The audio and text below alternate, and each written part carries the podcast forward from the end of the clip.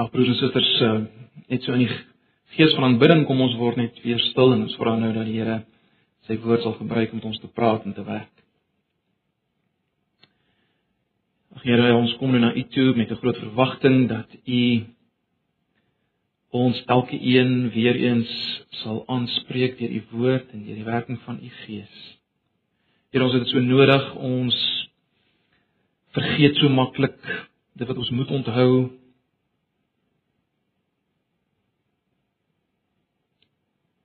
groot waarhede van u woord en uiteindelik het dit 'n effek op ons lewens, ons gemeente wees, ons persoonlike lewens.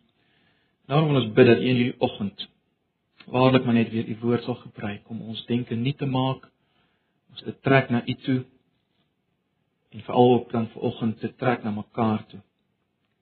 Asseblief, Here. Ons vra dit net in Jesus se naam. Amen. Ons bly net in ons Bybels uh, na Efesiërs weer. Ons is nog steeds besig met Efesiërs. Nou ja, ek was nou 'n uh, eh, geruime tyd nie hier nie. Terloops baie dankie vir al die uh, oproepe, die SMS'e wat ons ontvang het hierdie tyd. My pa se afsterwe, ons waardeer dit regtig. Uh, mens beleef maar net werklik dat uh, deel van hoe Jesus ons bemoedig in sulke tye is maar net sy liggaam, né? Dit nie iets misties nie, dit is nie iets daar ver nie. Dit is sy liggaam, sy mense wat met jou praat, jou bemoedig en jou versterk. Ehm um, ek het 'n 'n preekraamwerkie ook laat druk. Ek het almal dit gekry om te help om by te bly. Efesiërs 2, julle onthou ons het uh wel, dis nou seker 300 terug gekyk na die eerste 10 verse, geweldige belangrike gedeelte, ontsaglike gedeelte. Vanoggend uh gedeelte wat miskien bietjie uh vreemd vir ons is aanvanklik die gedeelte van vers 11 tot vers 22. Kom ons lees dit net saam. Efesiërs 2 vanaf vers 11 tot 22. Ek lees maar die 83 vertaling. Hou dan in gedagte wat julle vroeër was. Van geboorte was julle heidene en julle is onbesnedenis genoem deur die wat hulle self die besnedenis noem. Al is die besnedenis net mensewerk aan die liggaam. In die tyd was julle sonder Christus uitgesluit uit die burgerskap van Israel ver van God af, sonder deel aan die verbonde en die beloftes wat daarmee saamhang, sonder hoop en sonder God in die wêreld. Maar nou is julle een met Christus Jesus. Julle wat vroeër ver van God gelewe het, het nou naby gekom deur die bloed van Christus. Christus is ons vrede, hy wat die twee Jode en nie-Jode een gemaak het. Deur sy liggaam te gee het hy die vyandskap afgebreek wat vroeër soos 'n muur skeiding gemaak het. Die wet van Moses met al sy gebooie en bepalinge het hy opgehef en deur vrede te maak het hy in het hy in homself die twee Jode en nie-Jode tot een nuwe mensheid verenig.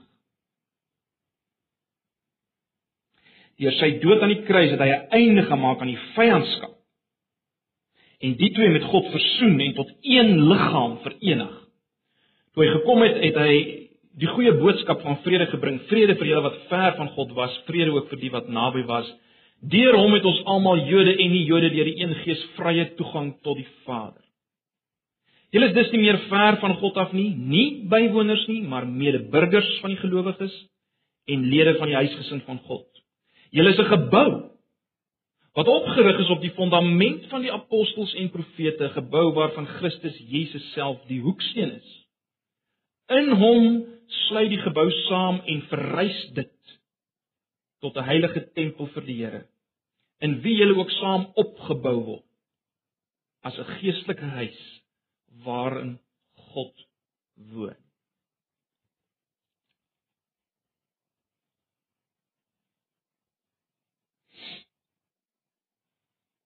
En broers en susters, ek dink een van die groot foute wat ons kan maak in ons kristendom en in ons denke oor kristendom is om te vergeet dat ons, ek en jy en elke mens rondom ons 'n tweeledige probleem het. En dat die evangelie die oplossing is vir beide kante van hierdie probleem, nie net vir een kant van hierdie probleem nie. Nou Paulus in sy brief uh, aan die Efese uh, besef hoe kardinaal belangrik dit is. Uh die onthou hiervan is as God verheerlik wil word en as mense en daarom ook ek en jy ons hoogste vreugde wil beleef. Waarvan praat ek? Van watter probleme praat ek? Van watter tweeledige probleem uh verwys ek na? Wel, ek verwys na die feit dat die sondeval nie net 'n radikale vernietigende, verwoestende effek gehad het op mense se verhouding met God nie. Maar ook op mense se verhouding met mekaar. Nou, eh, ons weet dit, maar dit is so belangrik dat ons dit vanoggend weer sou onthou. En baie belangrik, die evangelie, die goeie boodskap vertel ons dat God beide wat betref die verhouding met hom herstel gebring het, maar ook wat betref die verhouding met mense op horisontale vlak met mekaar. En die Christelike lewe het alles te maak met die lewe in die lig van beide hierdie waarhede. Dit is uitvloeisel van beide hierdie waarhede, nie net een nie. En daarom het Paulus in Hoofstuk 2 vers 1 tot 10 wanneer ons gekyk het, uh sy lesers en daarom ook vir ons herinner in die eerste plek aan ons toestand wat betref ons verhouding met God. Dit was 'n toestand van geestelike dood. Geweldige ernstige toestand. Maar die evangelie, dit wat Christus gedoen het, dit wat Jesus gedoen het, uh, vat ons uit hierdie toestand uit en maak vir ons nuwe skepsels. 'n Geweldige gedeelte, ons kan nie alles herhaal nie. Maar dis wat ons gesien het in hoofstuk 2 vers 1 tot 10. En nou in hierdie gedeelte in vers 11 tot 22 kom Paulus en hy en hy wil hê dat sy lesers moet ook onthou dat wat betref die verhouding van mense onderling was die toestand net so radikaal stikkend en tragies. En dit word op sy duidelikste gesien en is op sy duidelikste gesien in die verhouding tussen die Jode en heidene. Tussen Jode en heidene. En daarom wil Paulus hê sy sy lesers moet besef dat Christus se werk aan die kruis het ook dit verander. En hy wil hê hulle moet die implikasies besef nou vir hulle gemeente wees. En dit is uiters belangrik dat ek en jy die implikasies sal besef, nie net vir ons as individue nie, maar vir gemeente wees. Vir die kerk van Jesus Christus oor die wêreld vandag is hierdie uiters belangrik. Uiters belangrik as ons God wil verheerlik en hom wil behaag. So ons kan sê die die goeie nuus om op te som heel hier aan die begin al. Die goeie nuus van van vers 11 tot 22 broers en susters is dit God het nie net nuwe individuele mense geskep deur dit wat Jesus gedoen het op Golgotha nie. God bring 'n nuwe gemeenskap tot stand. 'n Nuwe groep mense wat aan mekaar behoort. Gemeenskap.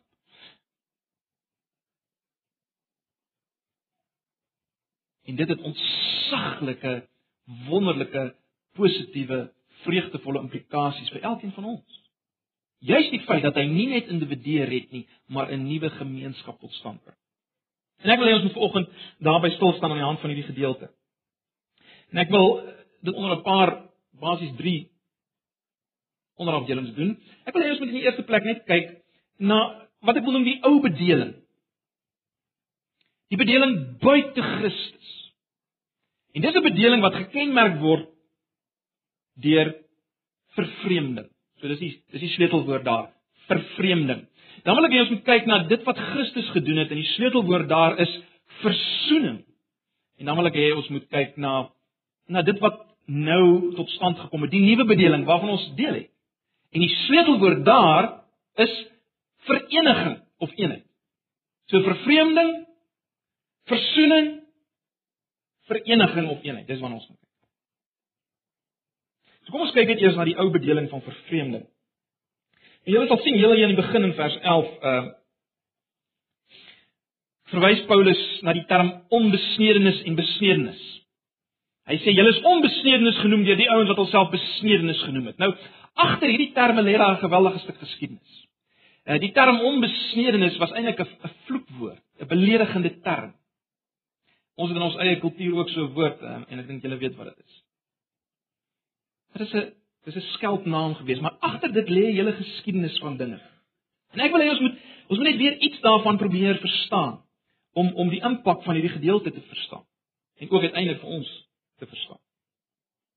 Probeer jou vir 'n oomblik voorstel hoe dit moes gewees het om een van die eerste disippels te wees, Joodse disippels van Jesus.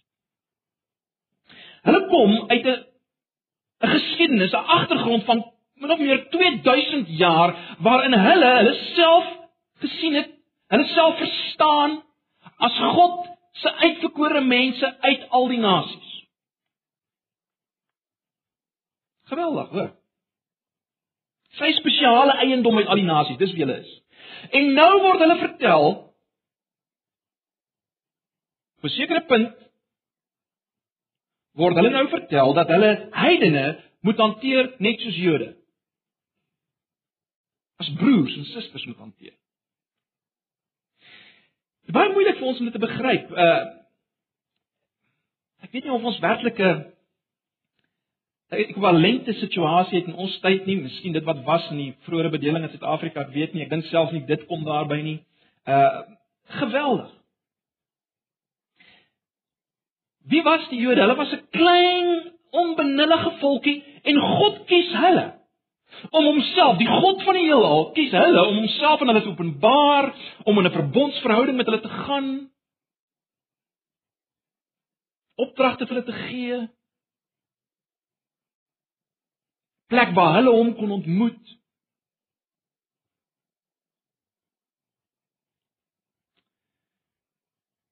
En inderdaad, broers en susters, oor die jare uh het daar 'n soort van 'n arrogante siening oor hulle self begin ontwikkel by die Jode.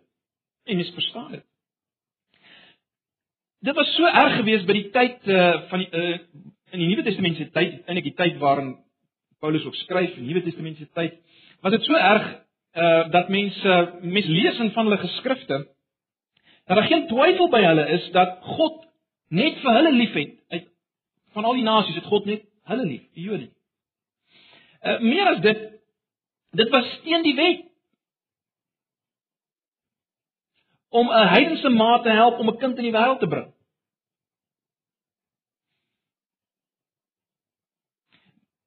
En mens verstaan dit as jy nog verder verstaan dat hulle het dit so beskou dat heidene geweldig.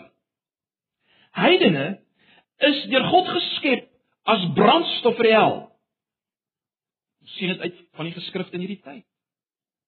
En dan ook as 'n as 'n Joodse meisie getrou het met 'n heidense man of 'n heidense uh, uh, of of of of 'n Joodse man met 'n heidense meisie, dan is hulle begrafnis gehou. Dit was die siening. Dis hoe erg dit was. En daarom broers en susters, as mens dit verstaan, verstaan mens hoe geweldig dit moes gewees het vir Petrus toe hy daai uh, visioen gehad het op die op die dak. En dan het hom gesê is heidene is rein. Dan verstaan mens hoe geweldig dit moes wees vir Paulus. Gegee gegee wie hy is, wat hy was. Hoe geweldig dit was vir Paulus om te hoor jy is nou die instrument vir die heidene nasies. Geweldig. Maar stel jou nou voor jy's 'n heiden vir 'n oomblik in hierdie tyd.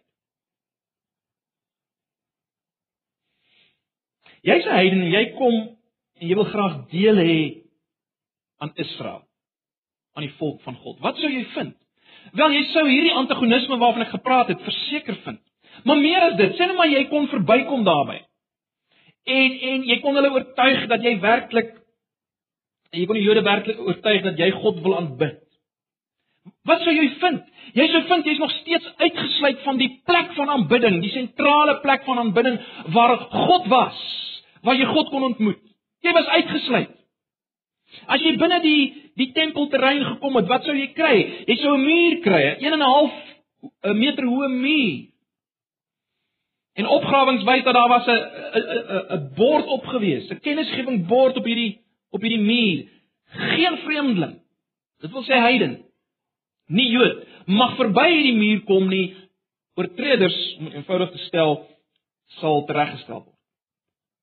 Tereggestel word, nie net vervolg. Dis wat jy so vind. Terloops, as Paulus praat van die muur in vers 14b, eh, die 53 vertaal vertaling vertaal dit met die middelmuur van skeiding. Ehm um, die 83 vertaling praat net van die muur wat skeiding gemaak het. As Paulus praat van die muur dan vers 16b, dan uh, dan het hy waarskynlik hierdie muur waarvan ek nou gepraat het in gedagte gehad, hierdie 1.5 meter hoë muur. Want hierdie muur het simbolies geword van alles wat gestaan het tussen Jood en Heiden. Ons sal nou nou sien wat die muur geestelik voorgestaan het. Maar kom ons gaan net vir 'n oomblik terug na die fisiese muur. Met ander woorde, die heidene kon naby genoeg kom om om die tempel te sien, maar hulle kon nooit ingaan nie. Nooit. Hulle hulle kon eenvoudig nie ingaan uh om God te aanbid nie.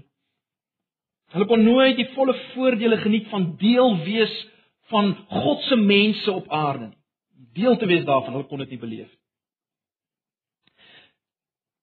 As ons teruggaan na die gedeelte wat ons gelees het, dan gaan Paulus verder om om te beskryf wat die toestand was van sy lesers. Wat natuurlik heidene was wat Christen geword. Wat was hulle toestand? Hy beskryf hulle in vers 12 as sonder Christus. Hulle was op 'n stadium sonder Christus. Met ander woorde, hulle het uitgemis op al die seënings waarvan ons in hoofstuk 1 gelees het wat in Christus Jesus is. Maar baie interessant, hy beskryf hulle verder. Sal jy sien aan vers 12 uitgesluit uit die burgerskap van Israel, ver van God af, sonder deel aan die verbonde en beloftes wat daarmee saamhang, en dan in die laaste plek, sonder hoop en sonder God in die wêreld. Dit was hulle toestand. En let op, hulle, hulle was nie net sonder Christus nie, maar op dieselfde vlak stel Paulus die feit dat hulle nie deel was van die burgerskap die volk van God dieselfde vlak. So, dit was nie net uitverhouding met God nie. Dit was uitverhouding met met volk wees van God. Dit was nie deel daarvan nie. Paulus lê die klem daar. Maar goed, dit was die toestand. Uh en hy som dit op as 'n toestand sonder hoop en sonder God. Sonder hoop en sonder God.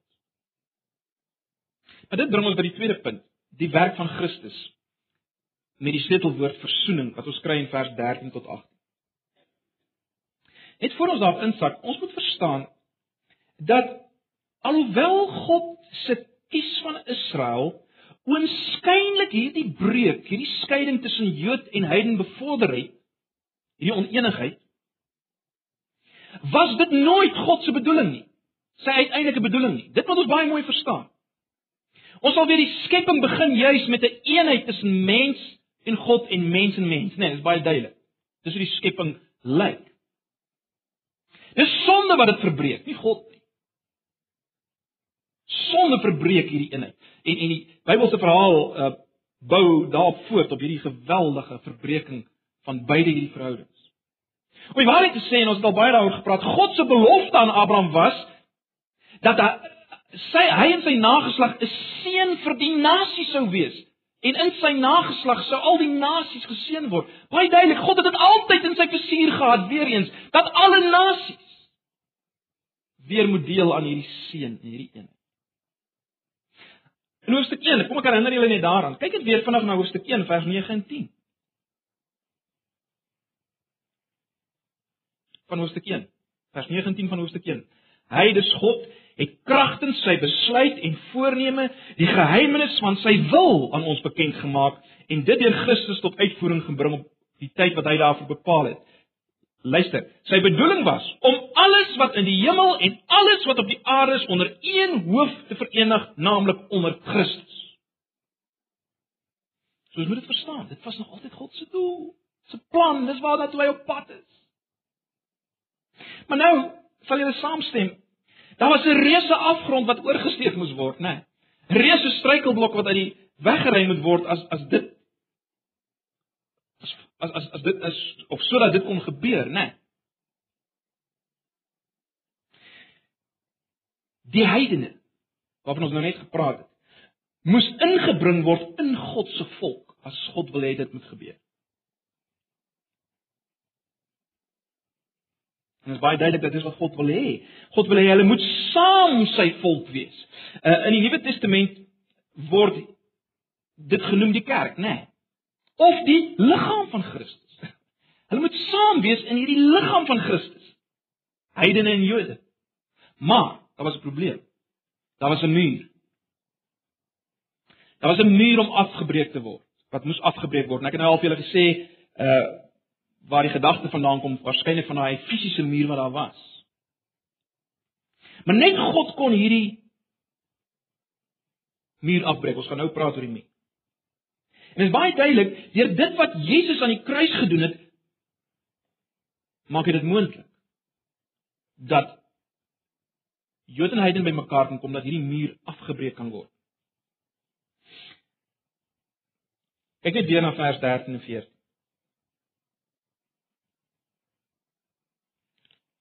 Skus my plek voor. Maar nou is julle een met Christus Jesus. Julle wat vroeër ver van God geleef het, het nou na het nou naby gekom deur die bloed van Christus. Christus is ons vrede. Hy wat die twee Jode en nie Jode een gemaak het, deur sy liggaam te gee, het hy die vyandskap afgebreek wat vroeër soos 'n muur skeiding gemaak het.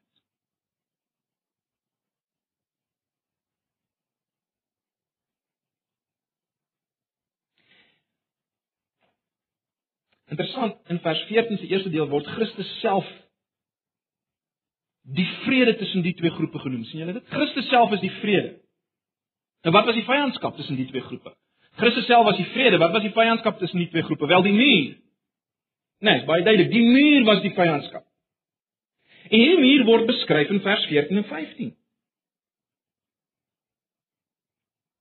Spesifiek vers 15. Kom ons lees maar net in vers 15. Daar word beskryf. Ehm um, in die 53 vertaling is dit een sin en hier word dit opgebreek. Kyk na vers 15. Wat is die muur? Die wet van Moses met al sy gebooie en bepalinge het hy opgehef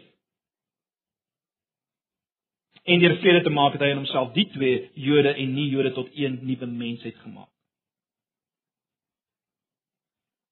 Die 53 vertaling lees so: Deurdat hy in sy vlees die vyandskap tot niet gemaak het, naamlik die wet van gebooie wat in insetting bestaan sodat hy deur vrede te maak die twee in homself tot een nuwe mens kon skep. En jy sal sien dit gaan dit vloei voort uit vers 14. Want hy is ons vrede, hy wat albei een gemaak het, dis nou die 53 vertaling en die middelmuur van skeiding afgebreek het en dan gaan hy aan. So dis die dis die muur. Kom ek stel dit so. Die ding wat vyandskap gebring het tussen Jood en heiden wat skeiding gebring het die wet is weggevat en is vervang met dit wat vrede is en vrede bring Jesus Het julle die prentjie? Dit wat skeiding gebring het, vyandskap, die wet is weggevat en in die plek daarvan is Christus wat vrede is en vrede gebring het gesit. Dis wat God gedoen het.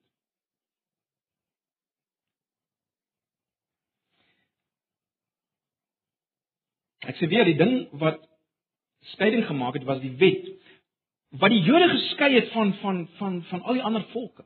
Al die ander nasies was die wet. Nou met wet bedoel ons die hele ou verbondstelsel, né? Nee, dis baie belangrik. Ek het al baie hierop klem gelê. As die Nuwe Testament praat van wet, verwys hy nie net na die 10 gebooie nie. Dis die hele ou verbond. Dis al daai dinge wat afgekondig is van die berg Sinaï af. En al die dinge wat uit die uit die uit die tent van samekoms af afgekondig is. Al die insettinge, al die bepalinge. Dit sluit die 10 gebooie in en al die wette oor offers en al die feeste en die Sabbat en die tabernakel wat later die tempel geword het en die kleredrag en alles was daarvan deel. Wat moet ons raak sien broers en susters? Paulus sê dat Jesus se plaasvervangende dood het nie net herstel gebring tussen my en God as individu nie.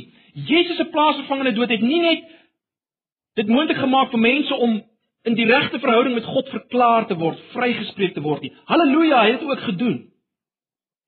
Dis wonderlik. Maar dis nie al nie. Dis nie al wat die kruis gedoen het nie, sê Paulus.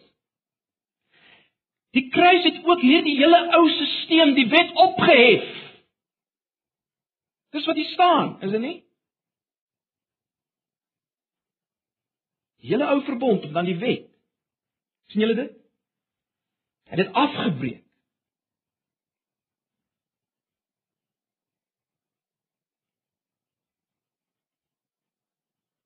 Hoekom?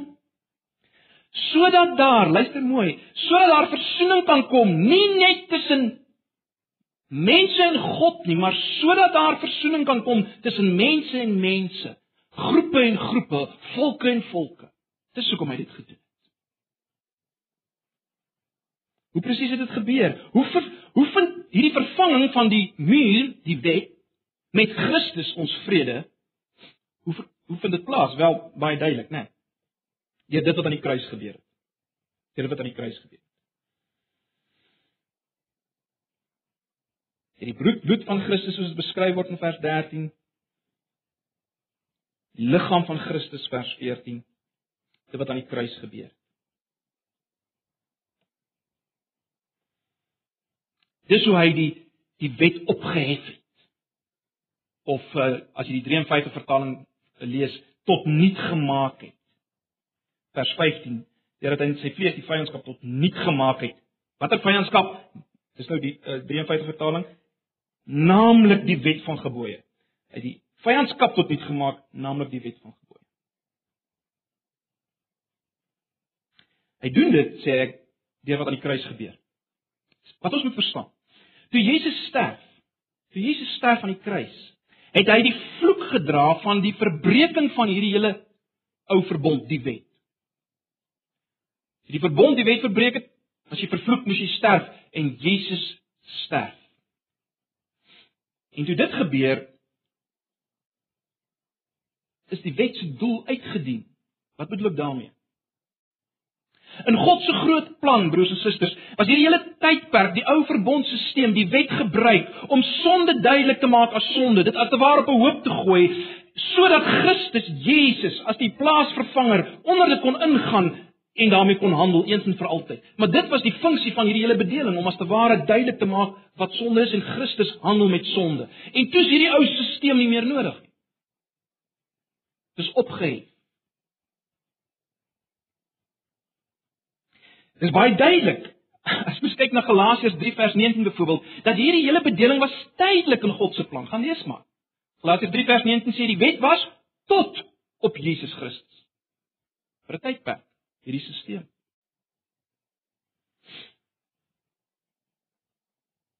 Maar nou het hy dit opgehef en hoe het hy dit opgehef? Juis deur die volle betekenis daarvan te vul tot vervulling te bring, net soos jy dit wil stel. Al die dinge wat deel was van die ou verbondstelsel, weet ons uit Kolossense 2 vers 17 byvoorbeeld, dat dit afbeeldinge was van Christus. Alles was afbeeldinge van Christus. Jesus self is nou die tempel. Hy bring die finale offer. Hy is die finale betekenis van al die feeste. Jesus self. En sy opofferende kruisliefde en sy opdragte in die lig daarvan is nou die riglyn waarop ons Christene hulle lewens inrig. In so 'n mate dat Paulus in Galasiërs 6 vers 2 kan praat van die wet van Christus want dit is soveel dieper en meer wat betref die uitleef van liefde. So dis nou die riglyn, let wel, dis nou die riglyn, Christus se opdragte, sy opofferende kruisliefde is nou die riglyn vir Jood en Heiden. Maar baie belangrik. As gevolg hiervan, as gevolg van hierdie verandering wat plaasgevind het, En dis die groot punt wat Paulus wil uitbring. Kan almal nou op dieselfde basis na God kom en God behaag deur een gees na God kom en deur geloof in Jesus. En dan word daar nie meer allerlei dinge waaroor daar 'n verskil is nie. 'n die vorm van die tempel, 'n klere, dae, feeste voordat jy na God kan kom. Daai verskil is weg. Daai verskil is weg. Hierdie hele stelsel was nou verby. Die tyd daarvan was verby in God se groot plan. En nou, nou kon God doen wat hy nog altyd wou doen, dis om 'n nuwe mensheid daar te stel uit alle volke en groepe. Dit wat ons net nou gelees het in Hoofstuk 1 vers 9 tot 11. Dit kon God nou doen. Die hele skepping kan nou onder een hoof verenig word. Alle groepe, Mens kan in 'n sekere sin sê broers en susters, alles wat die wet, die ou verbond was en gedoen het vir die Jode, is Jesus nou en doen hy nou en baie meer vir Jode en heidene. Al die voorregte, al die wonderlike dinge van die ou verbond, daarvan deel te wees wat net waar was vir Jode, is nou waar vir Jode en heidene in Jesus. In Jesus. Maar wat is die groot punt? Ons gaan nou maklik die groot punt mis. Die groot punt is dit. Daar is nie meer 'n muur wat skei nie. Daar's nou vrede gemaak. En daarom kan ons nou kom by die derde groot punt. Die nuwe bedeling wat gekenmerk word deur vereniging of eenheid. Né? Nee, en dis wat ons dan nou kry in vers 19 tot 22. Dis wat ons kry in vers 19 tot 22.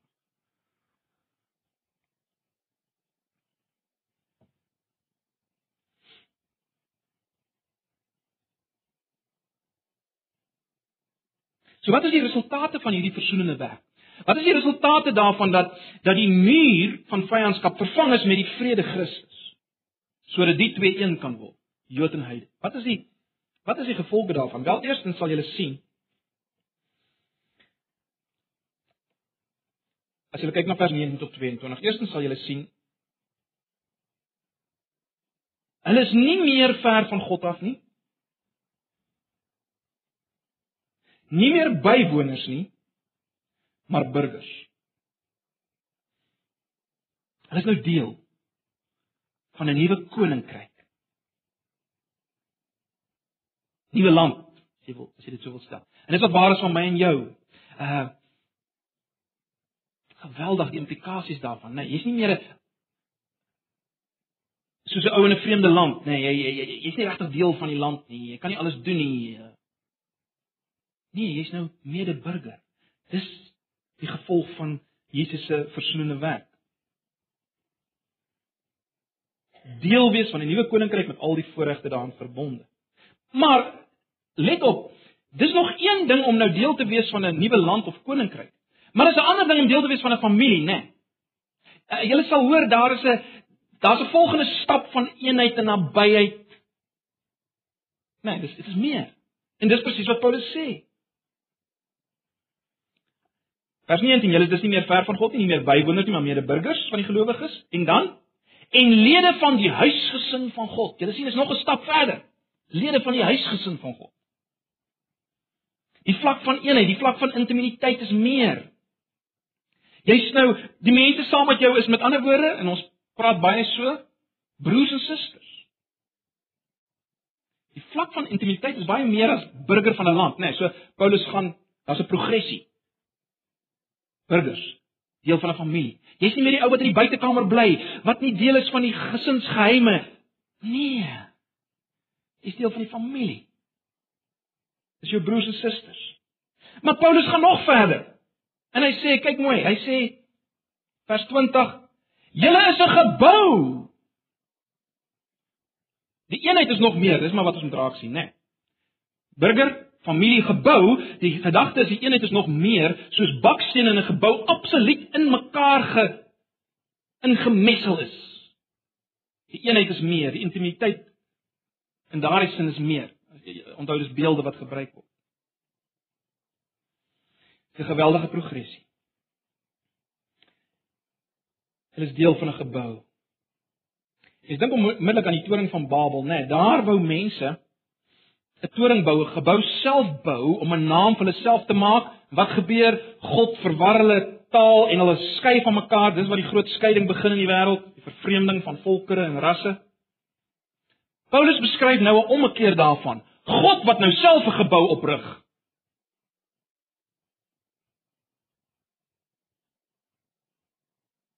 gebou waarvan Jesus Christus die hoeksteen is, die een wat alles bymekaar hou. En dis waar God nou woon, hè, sien julle dit?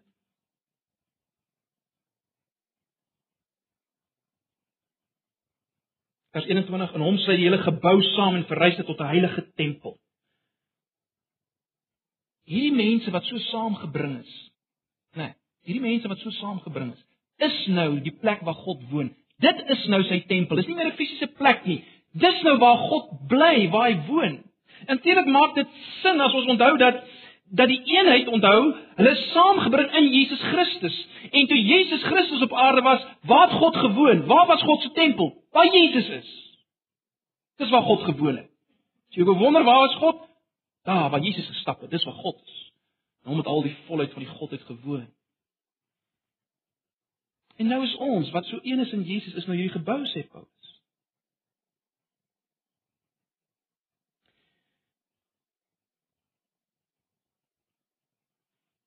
Baie belangrik om om nie te mis die weer eens die die saamwees nie, nê, die korporatiewe aard van wat waaroor dit hier gaan nie. En let op net in vers 21, laaste vers, in wie julle ook saam opgebou word as 'n geestelike huis waarin God woon. Moet dit nie mis nie, broers en susters. Ek word nie as individu opgebou nie. Ek word saam opgebou as 'n woning van God in die Gees. Saam met hierdie ander ouens. Saam met wie ek nou net burgers is nie, huisgesin is, tempel is. Word saam met hulle opgebou. Ons moet hierdie goed raak sien. Geweldig. Sien net ek en my verhouding word saam opgebou. Baie vinnig wil nie daarop tyd spandeer nie. As jy kyk na die struktuur van die gebou, ek het al verwys na die, die hoeksteen. Nou die hoeksteen is in daai tyd maar net die dis die is die steen wat die twee kante bymekaar bring. Waarskynlik is die gedagte hier weer die twee Jodenheide, nê, wat deur die hoeksteen Jesus Christus bymekaar gebring word tot 'n eenheid. Jesus is die hoeksteen en die fondament is die apostels en die profete. Dit beteken dis die apostels en profete se getuienis aangaande Jesus Christus wat die fondament is. So wat is die gedagte hier? Wat hierdie gebou bymekaar hou, wat hierdie gebou stewig hou, is nie net mense wat net hou van dieselfde goed nie, mense wat dieselfde taal praat nie, mense wat in dieselfde finansiële klas is nie, uh van dieselfde musiek hou nie ensovoorts nie. Nee, wat hierdie mense saamhou is Jesus Christus en die getuienis van die apostels en die profete oor Jesus Christus. Dis wat hulle saamhou. Dis hulle fondament. Dis hoekom hulle een is.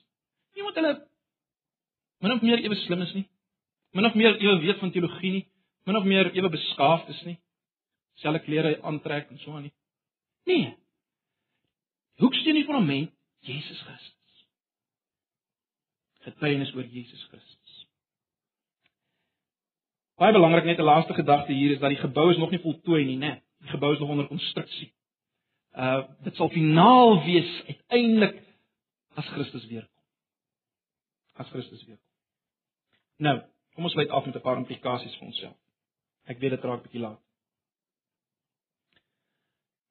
Ons is nie Jode en heidene wat hier sit nie. Maar ek dink die groot punt moet ons raak sien, né?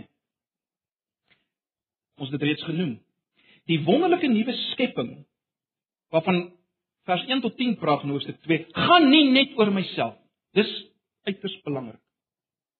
Dit gaan oor my deel wees aan 'n nuwe mensheid. Die wonderlike voorregte van Christen wees het alles te maak met my deel wees, my een wees, my gebind wees aan 'n nuwe groep mense wat genoem word die liggaam van Jesus of die tempel van God. En hierdie mense bestaan uit alle tale, kulture, groepe, agtergronde en so meer. En dis eintlik waar ons behoefte het om deel te wees van deel te wees van 'n groep, né? Nee. En, en dis wat ons kry in die kerk van Jesus. Maar baie belangrik, broers en susters, ons moet dit raak sien. Dit gaan nie net in Christendom oor my en my persoonlike verhouding met die Here nie. As ek daar stop, los ek 'n reuse deel uit van die werk van die kruis en van die verlossing. Reuse deel. Individualistiese Christendom word hier die nek omgedraai, né? En die implikasie daarvan is enige iets wat weer 'n middelmuur van skeiding tussen ons oprig soos daar was tussen Jood en heiden, enige so iets is verdoemlik, moet verdoem word. Enige iets buite Jesus Christus en sy werk en sy persoon wat ons skei, is verdoemlik. Ons moet dit hoor. Kom ek stel dit so. As Jood en Heiden een moes word in een nuwe gemeenskap. Met alles wat ons gesien het wat daar tussen hulle gestaan het. Hoeveel te meer mag ons nie toelaat dat baie kleiner dingetjies ons van mekaar skei nie en onvrede veroorsaak. Dit is die punt, né? Nee, dis die implikasie. Ons mag dit nie toelaat nie.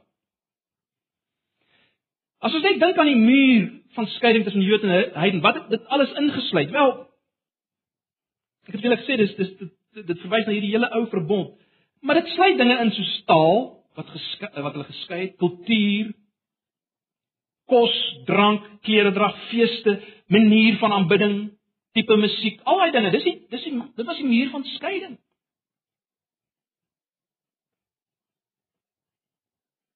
Ag broers en susters, en daarom mag ons nie toelaat dat enige so iets, enigiets buite Jesus Christus en sy werk weer 'n muur oprig tussen ons. Ons mag nie toelaat dat enige van hierdie dinge die die verhouding tussen burgers vertroebel, die familieverhoudings strem nie, die stene in die muur loswikkel nie. Ons mag nie toelaat dat dit gebeur. Net 'n laaste gedagte. Ons moet besef in die lig van hierdie gedeelte onenigheid, wrywing oor hierdie randgoeters pas die beeld van God aan en die plan van God aan. Hoekom sê ek so? Want God, broers en susters, in homself is een wese wat bestaan uit drie persone. Hy is in homself 'n een eenheid in verskeidenheid en dis sy plan vir die wêreld. Né? Nee. Dit is interessant as ons kom by hoofstuk 5. Hy wil hê dit moet in die huwelik wees. Dit moet in die gesin wees. Dit moet tussen werkgewer en werknemer wees. Dit moet in die gemeente wees en uiteindelik moet dit in die kosmos wees. Want die kosmos moet 'n afdruk wees van God wat een is. Hulle is hy drie. Dis want God op pad is.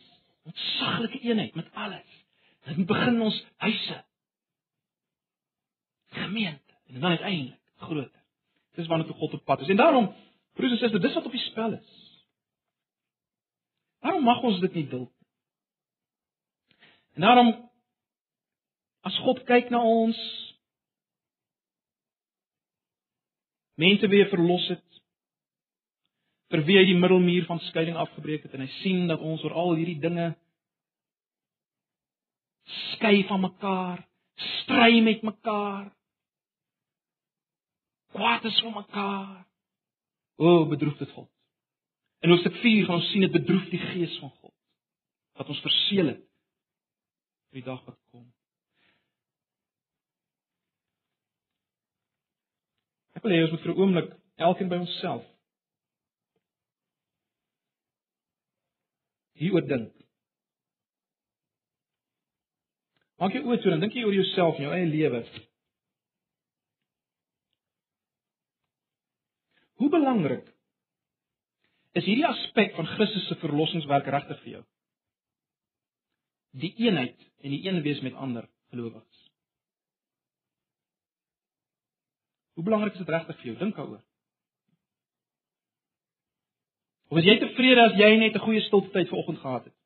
Maak nie saak hoe lyk jou verhoudinge met jou met ander gelowiges deur die res van die dag en die res van die week. Solank jy net op 'n Sondag 'n goeie preek kan hoor, is jy gelukkig. Lyk jou Christendom so? As hy radikaal fout. Dan bedroef jy God. Bedroef jy God. Daarom wil ek hê kom ons bely dit nou voor die Here. Bely dit voor die Here. Ehm um, jy sal weet hoe jy dink en hoe jy praat oor mense wat verskil van jou. Jy sal weet watter dinge maak jy weer as mure, as verskille tussen jou en ander gelowiges, dinge wat nie te maak het met die hoeksteen in die fondament. Gee geleentheid vir 'n paar oomblikke van stil gebed en dan sluit ek af met 'n gebed. Here baie dankie vir u woord. Woord wat ons dikwels goed ken, maar Here ons skram dikwels weg van die implikasies daarvan. Ons bely vanoggend dat ons dikwels toelaat dat dinge soos taal, kleur, kultuur, verskille wat betref metodes van aanbidding, musiek en al hierdie dinge dit dit wil die dinge word wat ons skei van mense wat deur U verlos is en wat U bedoel het soos ons broers en susters moet wees.